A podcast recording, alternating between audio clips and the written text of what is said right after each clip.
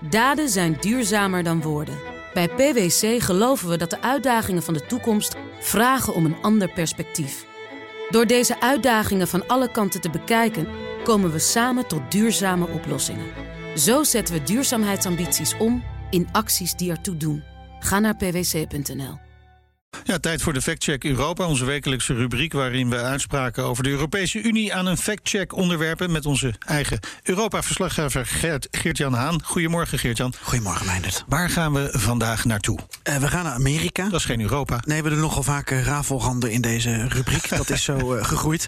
Maar we gaan het hebben over COVAX. Het programma dat ervoor zorgt dat er coronavaccins in ontwikkelingslanden terechtkomen. Ik zag het ook in het coalitieakkoord staan. Ik heb het nog even opgezocht, wordt één keer genoemd. Dat Nederland daar een uh, structurele ja, financiële bijdrage aan wil uh, leveren. Maar goed, voor mensen die even niet weten wat dat precies is, het is een wereldwijde samenwerking van bijvoorbeeld UNICEF en de WHO. Met het idee om die vaccins dus eerlijker te verdelen. Ja. En vanuit het Westen ook naar armere landen te krijgen. En de factcheck is: wie heeft nou de meeste donaties gedaan aan COVAX?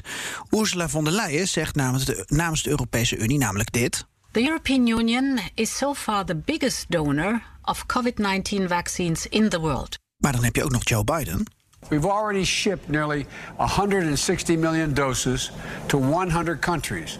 More than every other country has donated combined. Ja, ho, ho, ho, dat kan natuurlijk niet. Hè? Wie heeft de grootste? Ja, Wie is de precies. grootste? Pardon. Ja. ja, maar hoe zit het dan? Nou, EU. En het belangrijke hierbij is even te zeggen uh, dat uh, Ursula von der Leyen deze uitspraak op 6 december deed. Dus dat hebben we even aangehouden ja. voor de factcheck. Uh, want er zijn toevallig ook weer gisteren berichten over naar buiten gekomen over dat Nederland nu meer donaties heeft gedaan. Ja, en dan verschuiven die getallen natuurlijk. Ja, tuurlijk, dus even als momentum. de EU had vorige week 51 miljoen vaccins gedoneerd aan COVAX. En Amerika 130,7 miljoen. Ja, dus Biden heeft gelijk.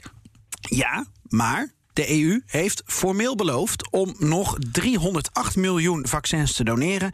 En de VS zet daar 193 miljoen tegenover. Ah, dus Ursula von der Leyen gebruikt een papieren werkelijkheid. Op die manier heeft de EU inderdaad meer gedoneerd. Maar ja, wat bedoelen ze dan met, met formeel? Formeel betekent in de taal van Ursula von der Leyen dat de donaties al wel zijn gedaan. Mm -hmm. Inderdaad, op papier, maar nog niet op hun bestemming zijn aangekomen. Ze zijn ergens onderweg. Nou, het is een soort booster-offensief. Ja. Uh, iedereen uh, kan zich volgens Hugo de Jonge dit jaar al uh, zou een booster ja. kunnen krijgen. Ja. Waarmee hij natuurlijk aangeeft van je kan je aanmelden. Maar voordat het ding daadwerkelijk in je arm zit, dat Precies. duurt nog even. Dus het is echt semantiek. Ja, maar hoe lang duurt dat dan ongeveer totdat die spuiten daadwerkelijk in die armen zijn gezet? Ja, die distributie, dat is een ding. UNICEF die doet dat. Dus hun woordvoerster Sabine de Jong die kan het het beste vertellen. Uh, meestal tussen de vier en zes weken duurt het ongeveer vanaf het moment dat ze echt klaar liggen in de fabrieken en gereserveerd zijn voor COVAX, tot ze verscheept worden naar landen die ze nodig hebben. Ja, dus een paar weken, vier, vijf weken... en dan lopen wij weer voor op de Verenigde Staten? Ja, en dan zou Ursula von der Leyen weer kunnen pronken... met het idee dat de EU de grootste donateur is. Maar ik heb nog een plot twist. De VS hebben namelijk beloofd nog dik 850 miljoen vaccins te doneren...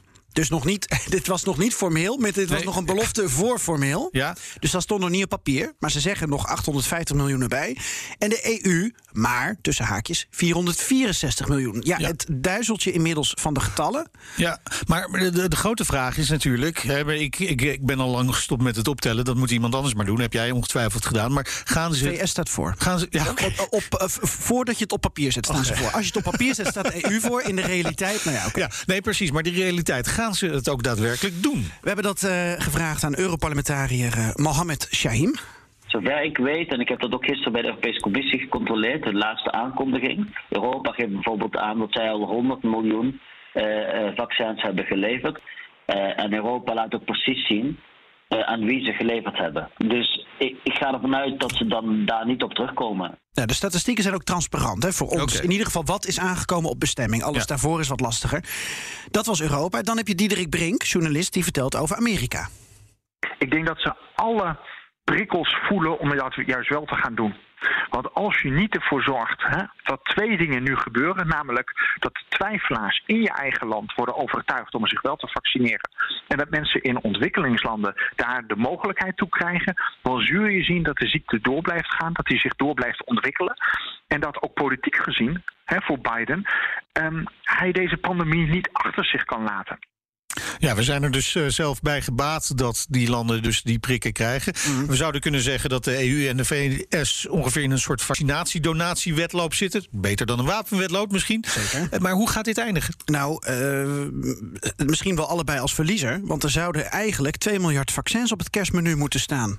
Maar uh, wat blijkt uit berichtgeving van de Washington Post van deze week. Er worden waarschijnlijk, als alles meezit, dit jaar maar 800 miljoen vaccins geleverd door de westerse wereld aan al die armere landen. En zelfs daarvan weten de COVAX-partijen niet of dat haalbaar is. Onder meer door die beperkte distributie. Nou, Nederland is daar een voorbeeld van. Er was een Kamerbrief nu uh, gisteren volgens mij binnengekomen. waarin nog werd gepronkt met van. Nou, we hebben 22 miljoen vaccins uiteindelijk geleverd. Er waren er 26 miljoen beloofd. Het is maar net hoe je ja. af en toe naar de maar, materie kijkt. Ja, maar hoe zit dat dan met die beloftes? Zijn dat dan loze beloftes?